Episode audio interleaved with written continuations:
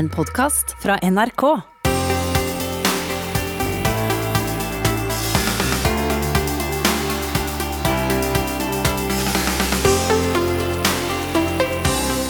Hjertelig velkommen til debatt i P2. Hvis du er fast P2-lytter, så lurer du kanskje på hvor ekko har blitt av denne formiddagen.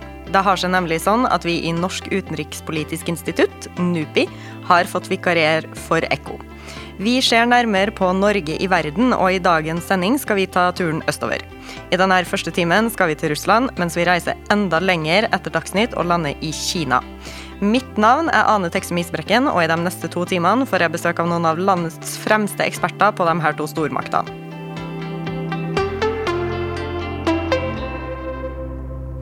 Helge Blakkesrud, du er NUPI-forsker og har forska på Russland i 25 år. Hva er det som er så fascinerende med Russland? Ja, det er mange ting. Det er et stort og mangslungent land.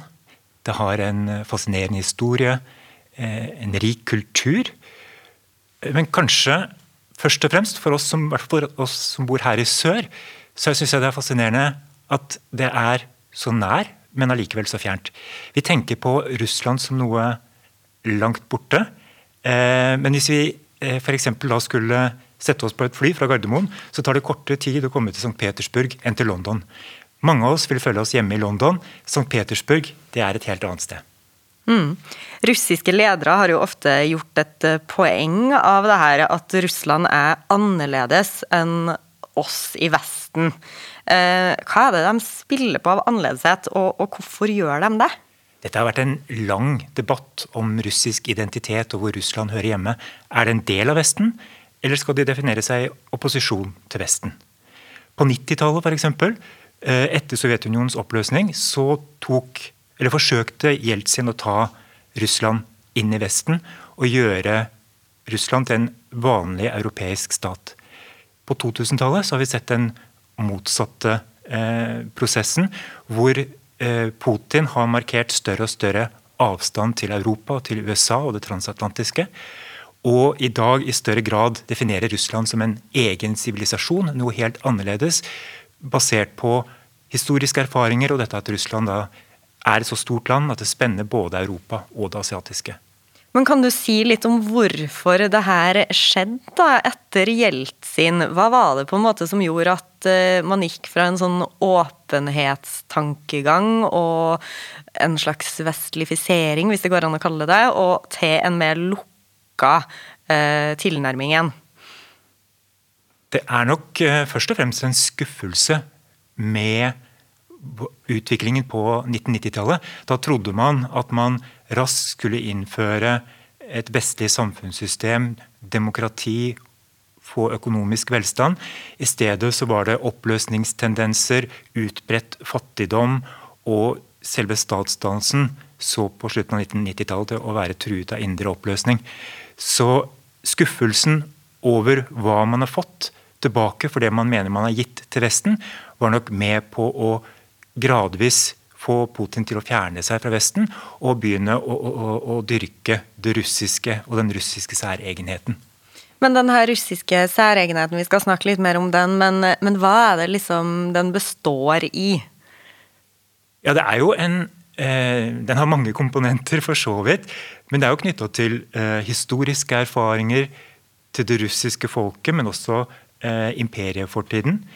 Til språket og, og kulturen.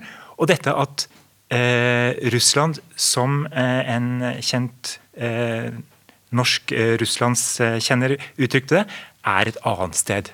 At, annet, at, man opplever at Russland er noe annet enn Europa. Mm. Men er russerne egentlig så, så, forskjellige fra oss, da? Nei, de er jo ikke det. Eh, vi er klart, vi er alle forskjellige. Eh, men eh, jeg har bl.a. vært med på å gjennomføre spørreundersøkelser Eh, i, i Russland eh, om verdigrunnlaget. Hvilke verdier folk identifiserer seg med. Og Da ser vi jo at russerne er ikke så annerledes eh, enn oss når det kommer til en del grunnleggende verdier. Hvordan er det å være vanlig menneske i Russland i dag? Er man fattig? Er man rik? Er det forskjell på by og land? Ja. Det er, eh, det er jo et veldig stort spørsmål. Og hva er en vanlig russer? Eh, Russland er et kjempestort land. Det spenner elleve tidssoner fra øst til vest. Eh, og, det er klart det er enorme interne forskjeller. Men, men du har et spenn fra ultrahippe, moderne Moskva til eh, landsbyliv i, i, dypet av eh, eh, Sibir. Eh, enorme forskjeller i eh, levestandard, eh, i utviklingsnivå. sånn at Ja. helt siden oppløsningen av Sovjetunionen så har på en måte avstanden mellom de fattigste og de rikeste, og mellom by og land, bare vokst og, og, og, vokst. Så Det er vanskelig å si hva det er å være en, en vanlig russer i dag, men det er et uh, samfunn som er, er, langt større preget av forskjeller og, og for, forskjeller i hva man kan forvente uh, av utviklingsmuligheter, enn hva det var i sovjetperioden. Mm. Du nevnte jo alle tidssonene man skal over hvis man skal reise fra vest til øst i Russland. Men for å gi enda litt mer perspektiv, hvor stort er Russland? Ja, Elleve tidssoner sier jo en del, tenker jeg. Ehm, da betyr det at hvis du jobber på Tsjukotka, eh, eh, den regionen som ligger aller lengst eh, øst på, på, langs med Beringstredet hvis, hvis, du jobber der og skal kontakte noen i sentralmyndigheten i Moskva, så må du jobbe overtid. Fordi du, kontorene i Moskva åpner ikke før du egentlig skal ha gått fra jobben på Tsjukotka. Mm. Og en annen måte å tenke på dette her, er hvis du reiser med den transsibirske jernbanen, som ikke er verdens raskeste tog, men som går dag og natt eh, tøffere østover fra Moskva. Og du sitter på toget en uke, og da er du fremme i Vladivostok. Men da er det enda flere tettsoner lenger østover før du når det østligste punktet i eh, Russland. Ja. Eh, noen av lytterne husker jo kanskje Russland før 1991, eh, da det het Sovjetunionen. Hva er egentlig de største forskjellene på Sovjetunionen sånn som det var, og Russland sånn som vi kjenner det i dag? De er enorme. Eh, for det første så har jo Sovjetunionen da blitt stykket opp i 15 selvstendige stater. Eh, så selv om Russland fortsatt er verdens største stat i, i areal, så er det jo en betydelig mindre stat. Både i areal og i folketallet enn hva det var eh, under Sovjetunionen. Det har gått fra å være en supermakt på linje med USA til å bli en regional stormakt. Eh, en viktig forskjell er jo at Sovjetunionen var en ideologisk styrt stat, eh, basert på sosialisme og kommunistpartiet. Det har man ikke i, eh, i dagens Russland. Der står det nedfelt i Grunnloven at man ikke skal ha en statsideologi. Og så er det en masse friheter i, i Russland som man ikke kunne ta for gitt i Sovjetunionen. Man tenker ofte i dag på at eh, det strammes inn i Russland på mange områder, men f.eks. retten til å, å reise, ytringsfrihet osv. er noe helt annet enn i Sovjetunionen.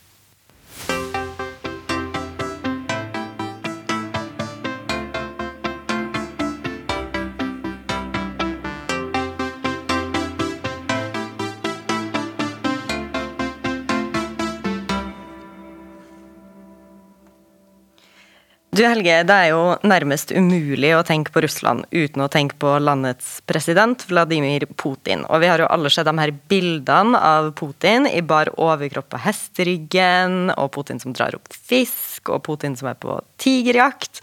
Og mange drar jo på smilebåndet av det. Men det virker jo som at det her går hjem i Russland, da. Eh, gjør det det? Og hvor sterk er egentlig Putins posisjon hos mannen i gata? For å ta det siste først, så er den overraskende sterk med tanke på at han har sittet ved makten nå i 20 år. Jeg pleier å si at han har en slags teflonkvalitet som gjør at ingen kriser eller ulykker biter på oppslutningen. Det er ikke helt sant, for det, går litt opp og ned. Men, men i dag, så, etter at han da har sittet i, i to tiår og styrt Russland, så er det fortsatt to tredjedeler av befolkningen som er fornøyd med den jobben Putin gjør. Mm. Og han har på en måte også klart å isolere seg litt fra disse krisene og konfliktene og, og, og ting som går galt. Eh, Levada-instituttet, som er en av de eh, mest anerkjente meningsmålingsinstituttene i Russland eh, kunngjorde nylig tall som viste at mens som jeg sa, to tredjedeler av eh, de spurte var fornøyd med Putins eh, innsats, så mente 50% bare at landet beveget seg i riktig retning. Så det er et skille mellom hvordan ting går i Russland og oppslutningen om Putin, som, blir, som nærmest har fått en, en status som en landsfader, da, som står over politikken. Hvilke saker er det som gir Putin mest hodepine i dag? Det er en lang rekke. Eh, både innenrikspolitisk og utenrikspolitisk. Dette har vært et vanskelig år for Putin. Det startet så godt. Han eh, startet året med en tale om eh, nasjonens tilstand, hvor han annonserte grunnlovsendringer, og mange tenkte på det som overgangen til en regissert post-Putin-periode. Og så har da krisene kommet på rekke og rad. Covid, økonomiske problemer knyttet til covid, men også til de vedvarende sanksjoner og, og lav oljepris. Eh, og en rekke problemer også på utenriksfronten i det, det postsovjetiske området. Med revolusjon i Kirgistan, krig i Kaukasus og uro i Hviterussland. Så eh, Putin har hatt nok å, å henge fingrene i i det siste. Mm. Men eh, ja, du nevnte jo krig i Kaukasus, og uh, vi skal snakke mer om det faktisk eh, senere i sendinga. Men når det gjelder denne pandemien, da, kan du si litt om hvordan Russland, eller hvordan Putin har håndtert den? Der har han faktisk fått en del kritikk for å være fraværende, spesielt i den innledende fasen, hvor eh, Putins strategi i stor grad var å desentralisere ansvaret for bekjempelsen av pandemien. Russland kom også ganske sent i gang eh, med å stenge ned og, og forsøke å begrense eh, den første bølgen av, eh, pandemien. Og har dermed også blitt rammet hardt. Hvis vi ser på antall smittede, så er eh, Russland helt på toppen. Eh, bare eh, fire land per i dag. USA, Brasil, India, Frankrike, som har flere smittede enn en Russland. Det har gått litt bedre når det gjelder antall dødsfall. Der ligger de lenger nede på, på rankingene. Men det er også en del spekulasjoner om underrapportering når det gjelder hvor mange som faktisk er døde av covid-19 i, i Russland. Mm. Det skal vi snakke litt uh, mer om. Uh, men uh, du nevnte i stedet her med at bare 50% av russerne mener at landet går i, i riktig retning. Hva mener man da at er feil, eller hva, hva, hadde på en måte en riktig retning vært da, for de 50 -ene?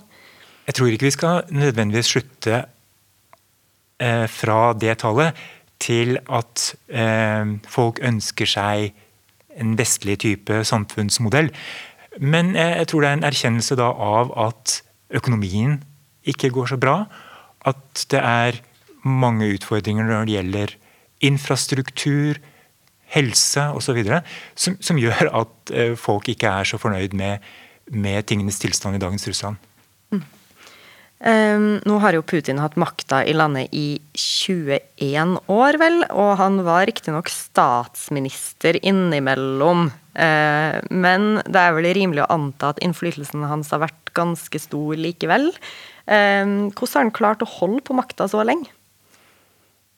Jeg tror det er uh, sammensatte årsaker til det. Når han kom inn som leder, så traff han uh, veldig heldig. Vi hadde hatt et 90-tall eh, som var preget av økonomisk eh, nedgang og oppløsning. Eh, Russland hadde måttet erklære seg midlertidig betalingsudyktig, og, og, landet var i praksis bankerott. Så kommer Putin inn, og parallelt med det så ser vi en voldsom stigning i den internasjonale oljeprisen, som gjør at pengene begynner å, strømme inn i, i statskassa. Så de første åtte årene hvor Putin satt som president, så var det en veldig sterk økonomisk vekst og oppgangstid. og Det hjalp jo da med å befeste hans posisjon. når han kom tilbake som president i 2012, så var det mer blandet. Eh, men da kom eh, krisen i Ukraina og anneksjonen av Krim og førte til et kjempepopularitetsboost for, for Putin. Anneksjonen av Krim var veldig veldig populær på hjemmebane. Eh, og, og, så har han greid å, å, holde på deler i hvert fall av denne, eh, denne oppslutningen. Eh, vi må også huske på at Når han har sittet så lenge nå, så er det veldig vanskelig å se for seg et alternativ. Vi har en hel generasjon av russere som aldri har levd i noe annet land enn et land styrt av eh, president Putin. Sånn at han har på en måte over tid har bygd opp en posisjon som gjør han ganske så uangripelig i russisk politikk.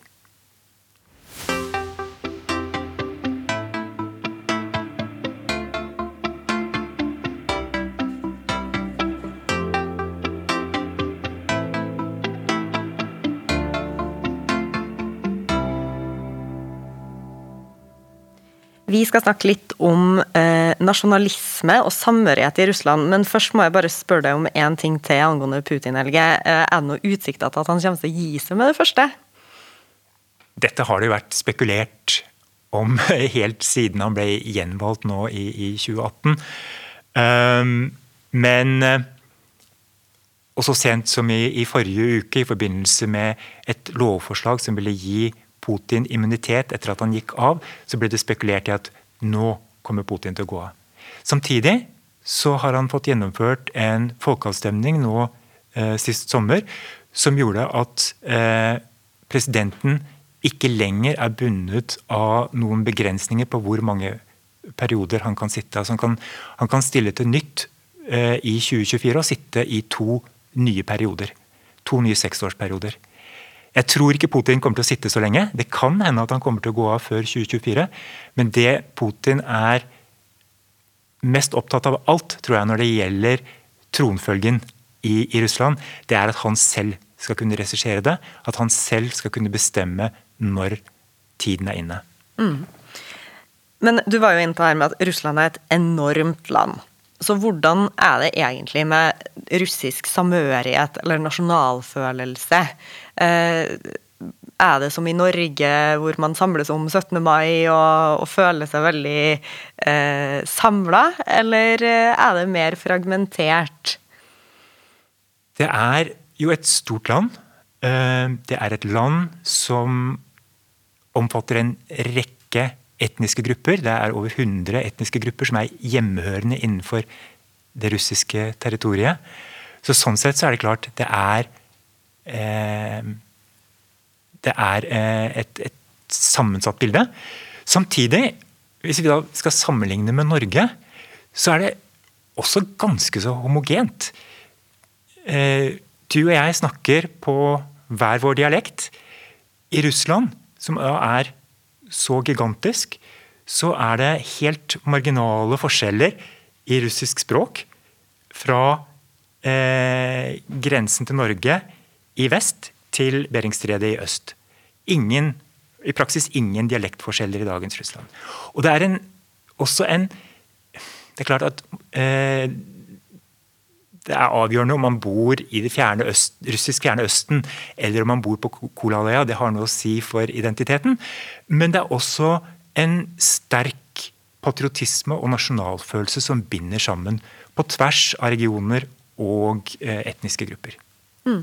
Hvis man kaller en russer nasjonalist, da, hvordan oppfatter han eller hun det? Nei, Det vil være veldig negativt. Nasjonalist det er noe det de andre er. Eh, men eh, derimot patri eh, patriot, eh, det er det man ønsker å fremme fra Kreml. Og, og, og det er definitivt stuerent, stuerent å, å, være. Putin har i all tid han har sittet ved makten, forsøkt å bygge opp om oppslutning om Russland som stat. Ikke om det etnisk russiske eller eh, etnonasjonalisme, men om, om, Russland som stat. Og Det må man også se i, i kontrast til det, det, som skjedde på 1990-tallet, hvor det var oppløsningstendenser. Putin øh, har på mange måter greid å stable Russland opp fra knestående til å stå, stå oppreist igjen. Fått på plass en øh, stolthet over å være øh, russer en, en statspatriotisme. Mm, og du har jo forska på det her, og jeg vet at du snakker om to former for russisk nasjonalisme.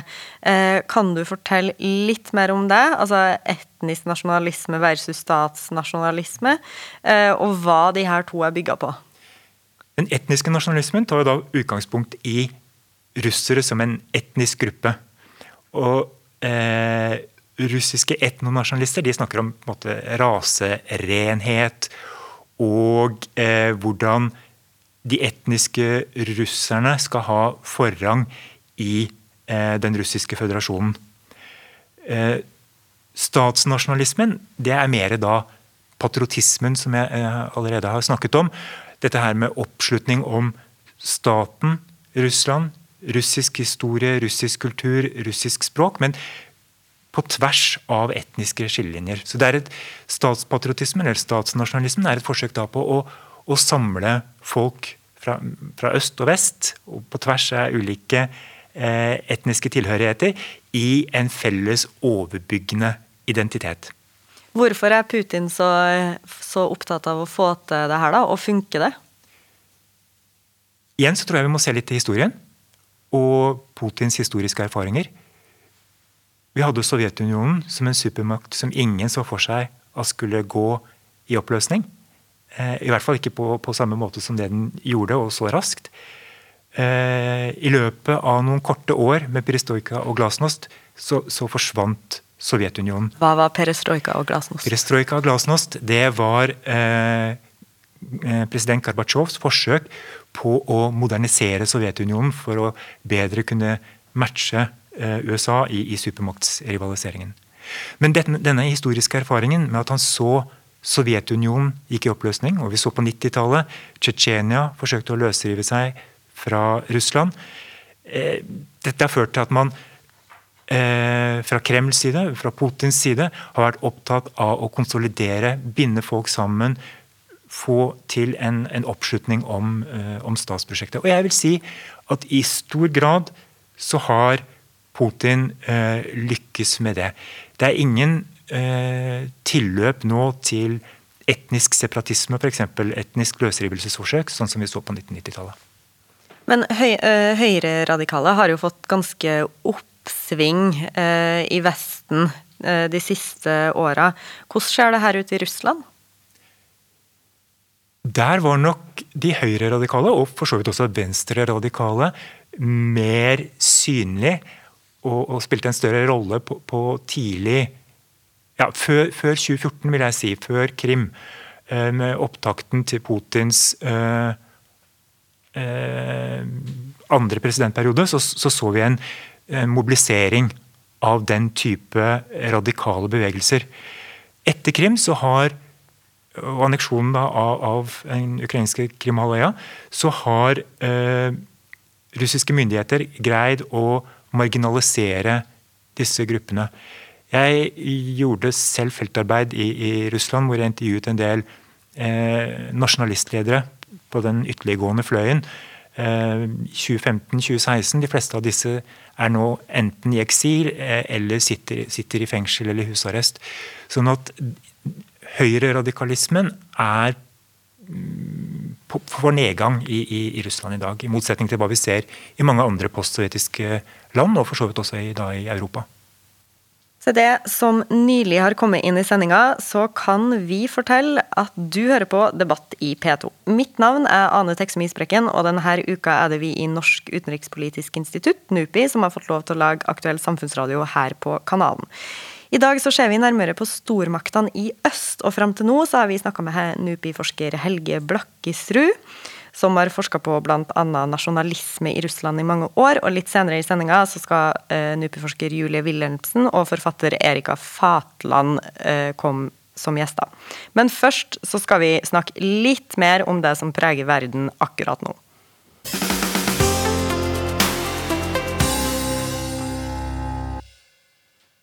Ja, Helge, vi var jo innom det her med korona i stad, så vidt det var. Men eh, når det gjelder Russland og koronapandemien, så har vi jo egentlig ikke hørt like mye som f.eks. om Kina og USAs håndtering.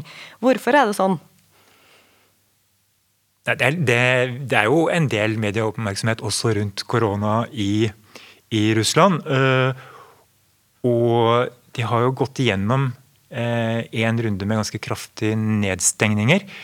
Men man forsøkte nok i hvert fall på, på, vårparten i år, lenge å tone ned eh, utbredelsen av eh, pandemien i, i Russland.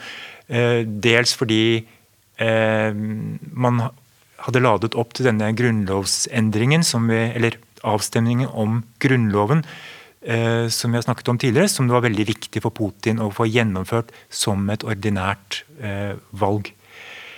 Men de har jo ikke sluppet unna. Eh, som vi var inne på, så har de en av de høyeste smittetallene eh, i verden. 2,1 millioner registrerte smittede per i dag. Eh, kun 37 000 døde. Kun i anførselstegn, men, men det er allikevel få sammenlignet med antall registrerte smittede. Men Putin annonserte jo ganske tidlig egentlig at de hadde en koronavaksine klar. Eh, stemmer det, og hvorfor ble ikke det her plukka opp av omverdenen? Det ble til dels litt latterliggjort. Det har jo vært et, et race for å være eh, den staten eller det selskapet som kom opp med den første eh, koronavaksinen. Eh, og når Russland Eh, kunngjorde dette, når Putin kunngjorde dette, så ble det nok av mange sett på som prematurt. I den forstand at eh, eh, russerne ikke hadde gjennomført et tilsvarende testregime som det man eh, krever at skal gjøres eh, i Vesten. Det er andre prosedyrer som følges i, i Russland. Men testingen av denne Sputnik 5-vaksinen, som den heter, den eh, pågår fortsatt. Og, og, så sent som i, i går så kunngjorde selskapet som, eh, sto, som står bak denne vaksinen, at de har en, en, eh, en dekning på over 90% så helt på høyde med de eh, vaksinene som har blitt lansert av eh, vestlige selskaper. Mm. Du var jo inn på det eh, litt tidligere, det her med at det kan godt hende at det finnes mørketall på antall døde. Og Det bringer oss eh, over til avslutningsvis. Eh, hvor sterk kontroll har russiske myndigheter over det som kommer ut av informasjon til innbyggerne og omverdenen? Det er et stort spørsmål. Og svaret på det avhenger litt av hvilken mediekanal du snakker om. Man sier gjerne at uh, de fleste russere orienterer seg mot TV og får sine daglige nyheter fra TV-mediene. Der har myndighetene en ganske sterk kontroll med hva som foregår. Men det finnes jo også et stor underskog av blogger, uavhengige nyhetsmedier, hvor det rett og slett er umulig for myndighetene å, å kontrollere eh, hva som ble skrevet og, og, og, hva som kommer ut. Eh, utfordringen er jo det at du kanskje i større grad da må, eh, må eh, oppsøke disse eh, alternative eh, informasjonskanalene, mens det er lettere å trykke på knappen på, på TV-apparatet og få Kremls versjon av tingenes tilstand og, og, og politikken inn i, i stua. Her i Debatt i P2 så har vi altså hørt om hvordan Putin stadig har et fast grep om Russland, og hvorf, om hvorfor russiske myndigheter spiller på landets ulikheter med Vesten, og om hvordan russisk nasjonalisme ser ut. Da sier vi tusen takk til det, NUPI-forsker Helge Blakkesrud, og vi skal få en to nye gjester her i studio. Forfatter Erika Fatland har gjort stor suksess med bøkene sine om reiser i de tidligere sovjetrepublikkene i Sentral-Asia og langs den russiske grensa. Og NUPI-forsker Julie Wilhelmsen har forska på Russland i mange år, men har blitt nekta innreise til landet det siste året.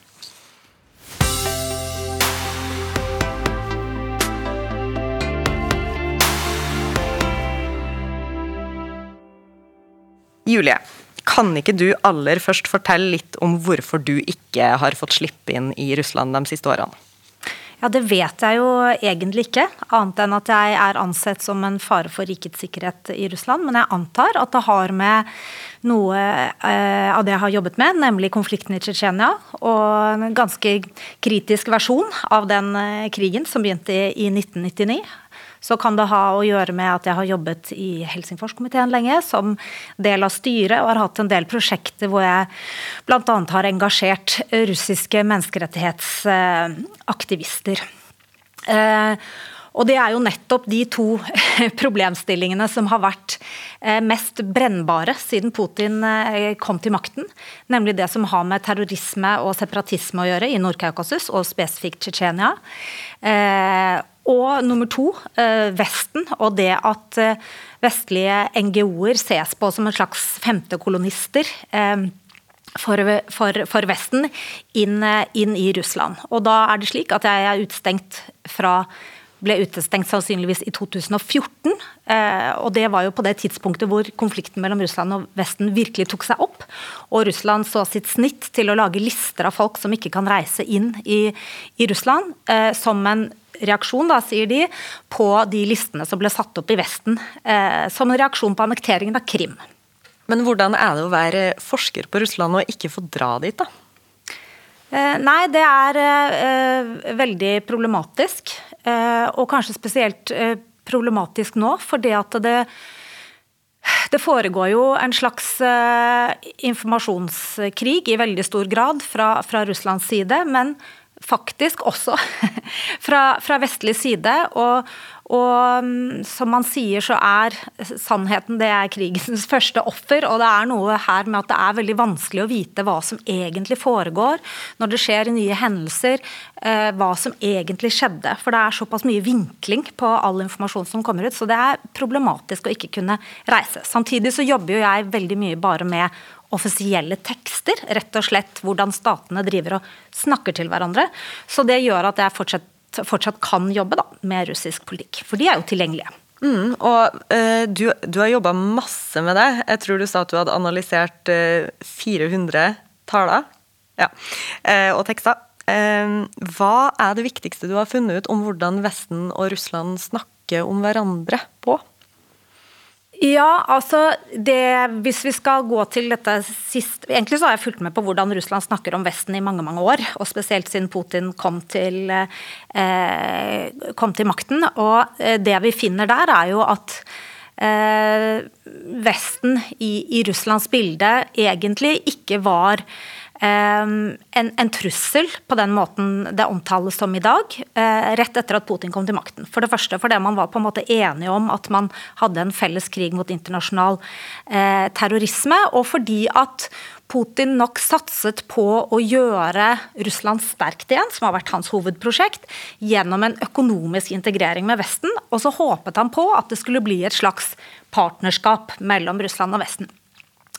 Eh, så disse forventningene var ganske eh, eh, store, og de ble jo f.eks. satt ut i livet gjennom et såkalt Nato-Russland-råd. ikke sant?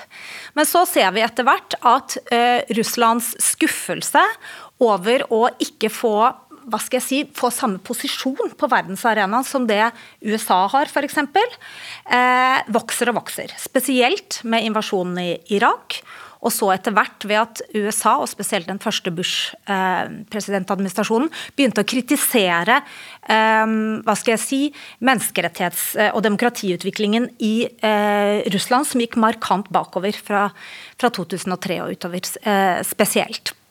Og så etter hvert har det bare ballet på seg, og det er på en måte kombinasjonen av at Russland sier, mener at Vesten står for en slags eh, krig mot Russland. Gjennom Nato-utvidelser, forsøk på å få eh, post-Sovjetland inn i Nato. Og så faktisk etter hvert en påstand om at Vesten fører en slags sivilisasjonskrig eh, mot Vesten. Og etter eh, annekteringen av Krim da også en slags økonomisk krig gjennom at Vesten bruker økonomiske sanksjoner for å, for å straffe Russland. Så det er et, et, et heftig fiendebilde som er bygget opp uh, på, på, Russlands uh, side. Mm. Og I forskningsprosjektet som du leder nå, så studerer dere hva drivkraftene bak stadig dårlige relasjoner i verdenspolitikken er. Hvorfor er måten vi omtaler hverandre på så viktig for konfliktnivået? Ja, altså Forklaringer av hva skal jeg si, Russlands mer selvhevdende politikk eh, bunner ofte i enten at det er interne russiske forhold, eller at det er Putins aggressivitet. Mens det som er grunnlaget for denne, dette forskningsprosjektet, og som vi observerte, det er at etter 2014 så skjer det noe rett og slett i dynamikken mellom Russland og verden der ute, primært eh, Vesten, som vi er nødt til å gripe for å skjønne hvorfor konfliktene eskalerer.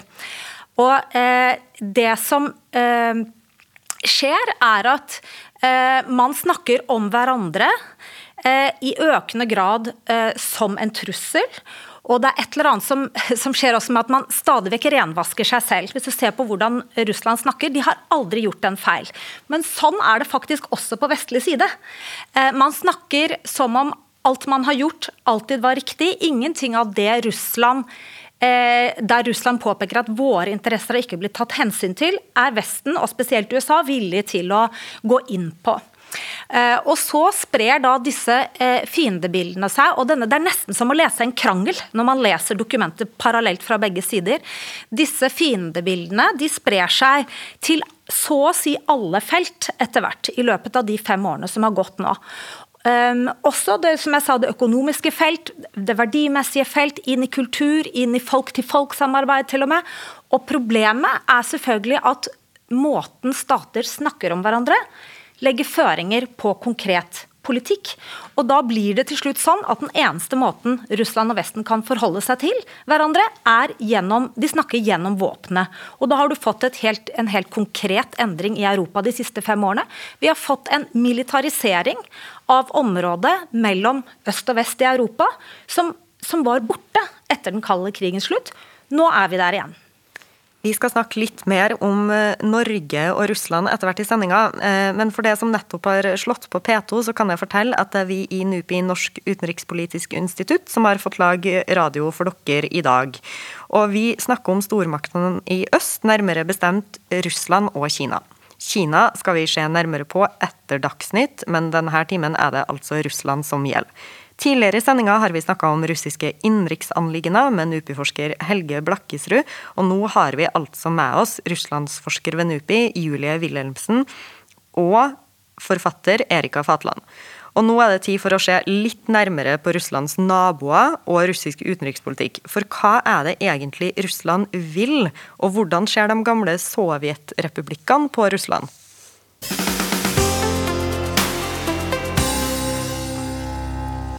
Erika, du har jo skrevet bøker som Sovjetistan og Grensen om reisene dine til land som Turkmenistan og Aserbajdsjan. Og sånn umiddelbart så skulle man kanskje ikke tro at interessen for land som mange ikke engang kan plassere på kartet, er skyhøy her til lands, men det er jo helt feil om man ser på sagstallene.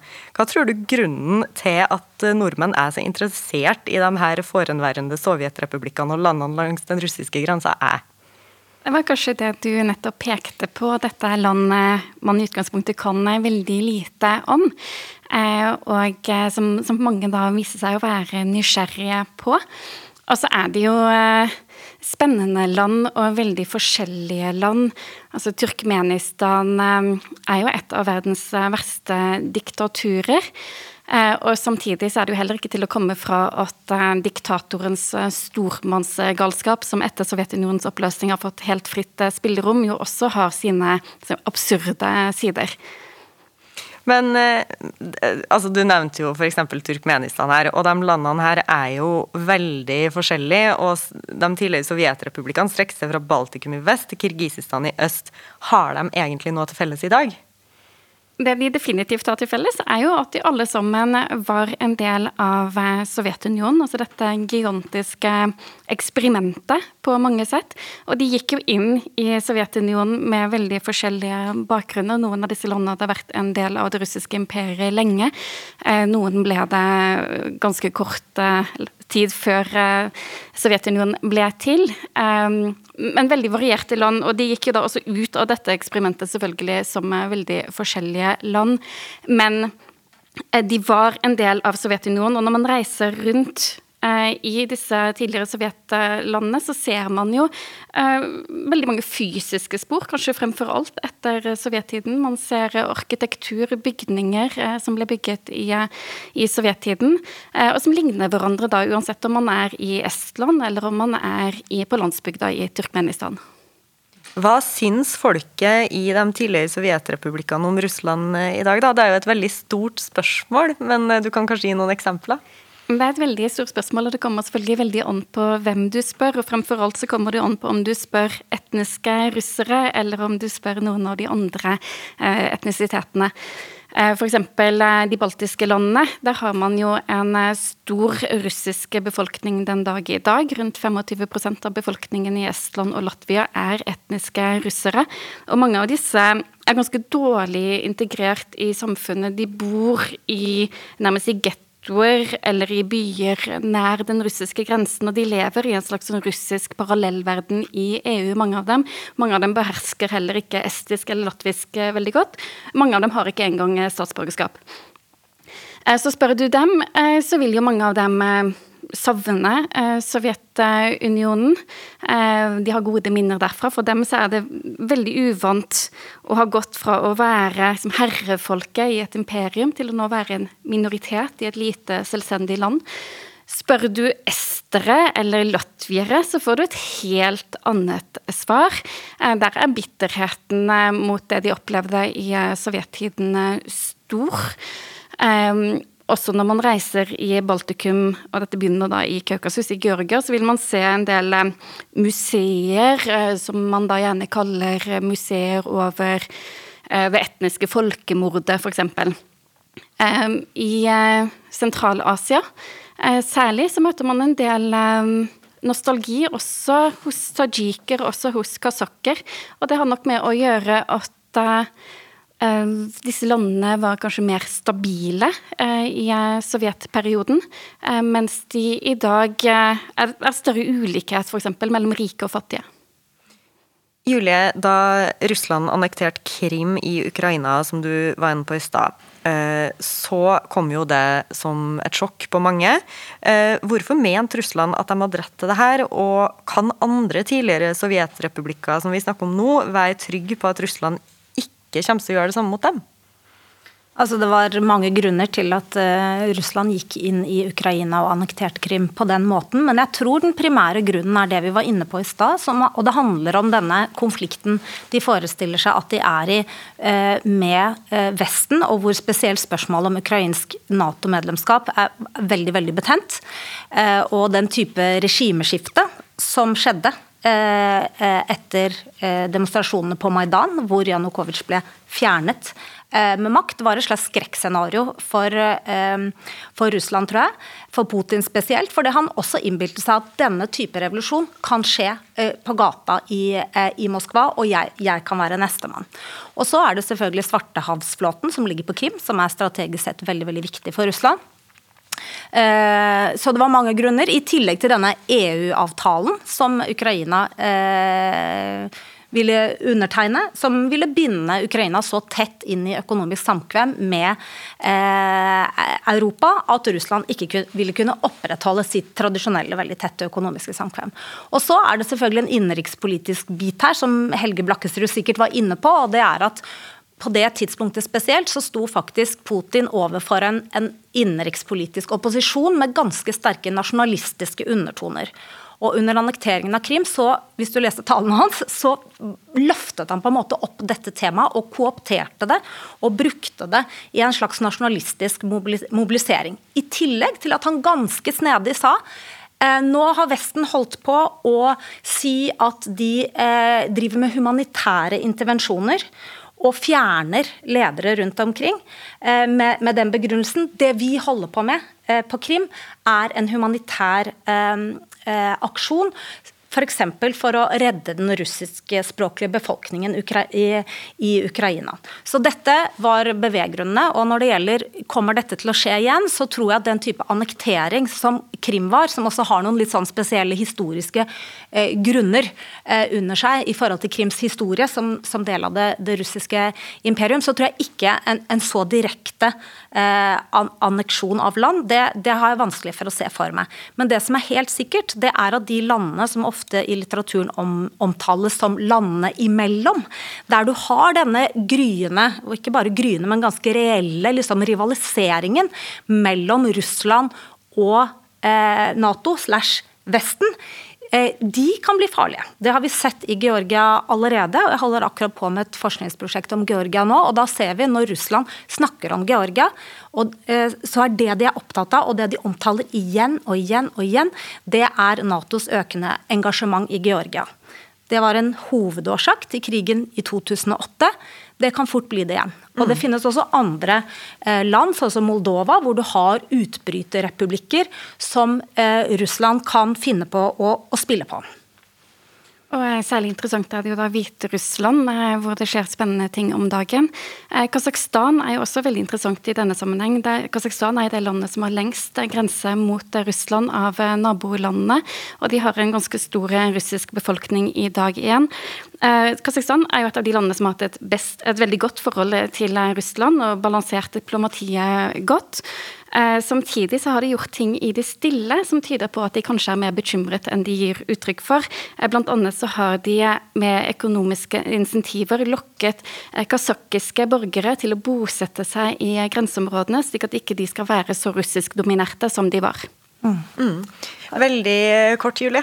Ja, nei, Jeg skulle bare legge til også at uh, disse landene som vi snakker om, da, der Russland kan gripe inn, de har jo faktisk noe egenvekt, som Erika sier. Og det tror jeg er en av konsekvensene etter uh, konflikten i Ukraina, som Russland ikke helt hadde regnet med. Det er at ved at de reiste det nasjonalistiske flagget og nettopp annekterte Krim, så skremte de fra seg en hel masse land som de håpet skulle være del av sitt nye De har jo et slags EU-prosjekt som heter Eurasisk union. Mens det de oppnådde, er altså at de skremte den mer enn de fikk til å invitere dem inn i denne ambisjonen, som nok ikke er så høy lenger på russisk side. Skyte seg sjøl i foten, altså der. Vi må videre.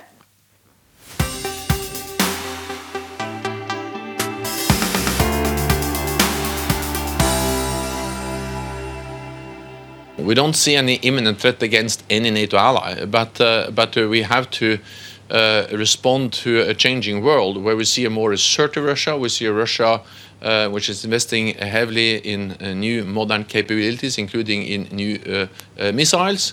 And we have seen the aggressive actions of, of Russia against Ukraine. At the same time, Her hørte vi altså et lydklipp hvor Natos generalsekretær Jens Stoltenberg sier at vi ser et mer selvsikkert Russland og et mer aggressivt eh, Russland, særlig med tanke på annekteringa av Krim. Og vi skal bevege oss eh, enda litt lenger ut enn hva vi har vært nå. For de siste årene så har vi jo f.eks. sett at eh, Russland og Tyrkia har stått på samme side i flere saker, som i Syria-konflikten. Samtidig så er Tyrkia med i Nato. Hva er Russlands motivasjon for å styrke båndene til Tyrkia, Julie? Jeg vet ikke om motivasjonen i utgangspunktet er at de vil styrke båndene til Tyrkia. Jeg tror det er et slags hva kaller man det, fornuftspartnerskap. Eh, de har jo noen like trekk, både Tyrkia og, og Russland er jo på en måte nye altså en nasjonalistiske stater. Og deres eh, fremste motsats er USA. Så hvis du hører på retorikken til Erdogan eh, parallelt med retorikken til Putin, så er de ganske like, og de finner hverandre i den motstanden. Hvis du ser på det de sakene hvor Tyrkia og Russland konkret har funnet hverandre, så er det først og fremst i Syria, hvor egentlig Russland har engasjert ikke bare Tyrkia, men også Iran ganske dypt for å eh, eh bevare Assad-regimet og for å lykkes med sin operasjon i Syria. Hvis du ser på det som akkurat har skjedd i konflikten i Nagorno-Karabakh, altså mellom Armenia og Aserbajdsjan, eh, hvor eh, Russland egentlig er alliert med Armenia, men jo ikke har levert på det, men snarere tvunget eh, på en måte fram en fredsløsning der, hvor Armenia har mistet mye av sitt, så er jo det til dels fordi Tyrkia har gått inn og det er nytt, så eksplisitt, og støttet Aserbajdsjan på sin side. Og i, den, eh, si, eh, freds, i det senteret de har opprettet nå for å, opp, for å, bevare freden i det området, så har jo da Tyrkia fått en, fått en del. Men jeg er ikke så sikker på hvor happy Russland er med det. Eh, og hvor villige de er til f.eks. å dele makt i, i, i post-Sovjet-området. Men det sier noe om pragmatismen i russisk utenrikspolitikk, egentlig. Mm. Og eh, som du sa, da, så har jo Russland tatt en aktiv rolle i krigen i Syria. Eh, hvorfor det? Hva er Russlands motivasjon her, egentlig? Jeg tror aller, eh, den aller viktigste motivasjonen var å sette en stopper for det Russland da jevnt har kritisert som vestlig regimeendringspolitikk, og som de ikke har likt i mange mange år. Som begynte da i 2003 med eh, krigen eh, i Irak. Og når da etter Libya i 2011, hvor Gaddafi ble falt fra makten, så bestemte Russland seg for at når det gjelder Syria, der har vi en tradisjonell god forbindelse med Assad. Vi har en militær militærbase.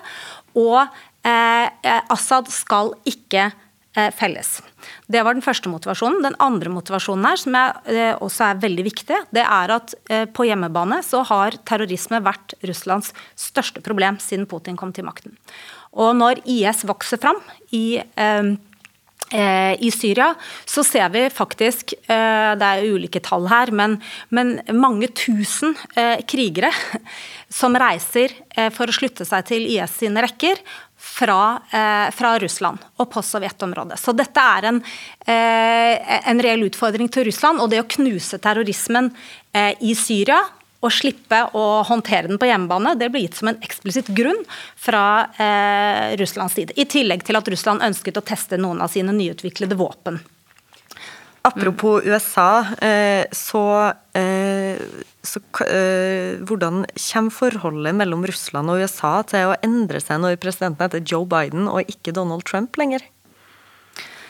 Altså I utgangspunktet, eh, hvis man leser kommentarene fra Moskva nå, så er, eh, er, man på en måte glad for å få på plass et, et, litt mer forhåpentligvis forutsigbart, en mer forutsigbar amerikansk administrasjon. Eh, det ser man på som mm, positivt. Eh, og en av de sakene man konkret har snakket om, det har vært å få på plass noe som har kommet i spill, dessverre, nemlig avtalene mellom Russland og USA når det gjelder eh, kjernevåpennedrustning. Der eh, håper man, håper, det burde alle håpe, at man kan eh, redde f.eks. startavtalen men når det gjelder Biden og demokratene ellers, så er det jo en grunn til hvorfor Russland ikke ikke ønsket at Hillary Clinton skulle vinne i forrige runde. Og det har med én eh, at Biden kan forventes å eh, øke eh, demokratikritikken, som da Russland tolker som en slags vestlig sivilisasjonskrig mot seg. Biden kan forventes å ikke dempe, men øke sanksjonsbruken mot Russland. Biden kan også komme til å stå hardere på når det gjelder å støtte Ukraina. Og som jeg sa, Ukraina er fremdeles et sånt land imellom, hvor eh, Russland ikke kommer til å gi seg. Og de kommer til å holde på sin innflytelse i Øst-Ukraina som en slags brekkstang mot eh, Nato-medlemskap, f.eks.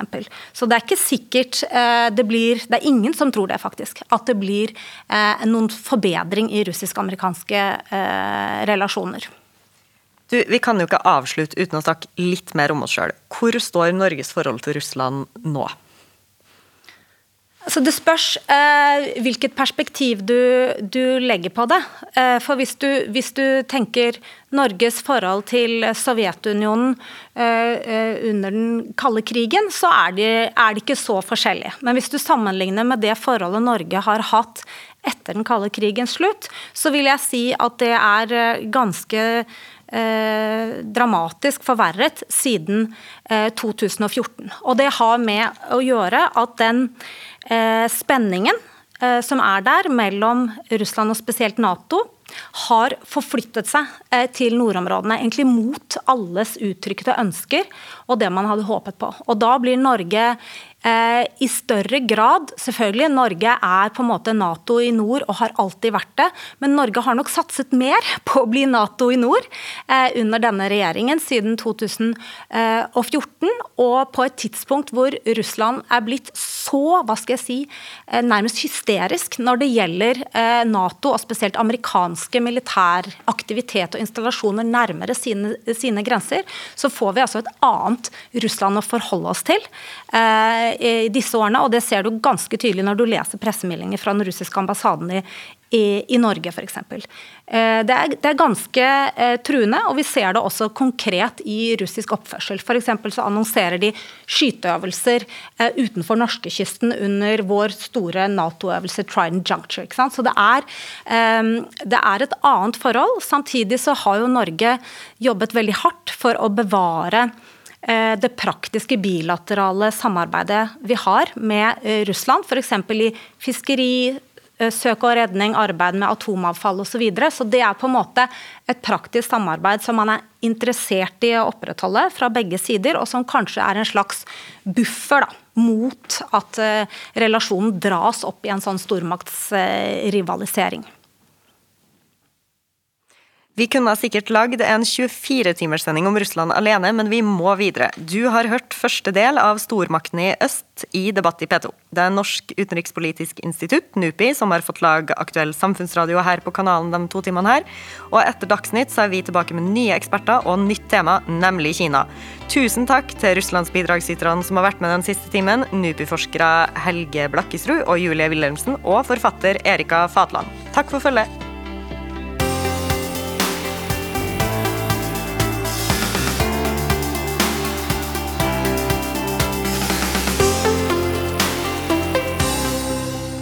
Du har hørt en podkast fra NRK. Hør flere podkaster og din NRK-kanal i appen NRK Radio.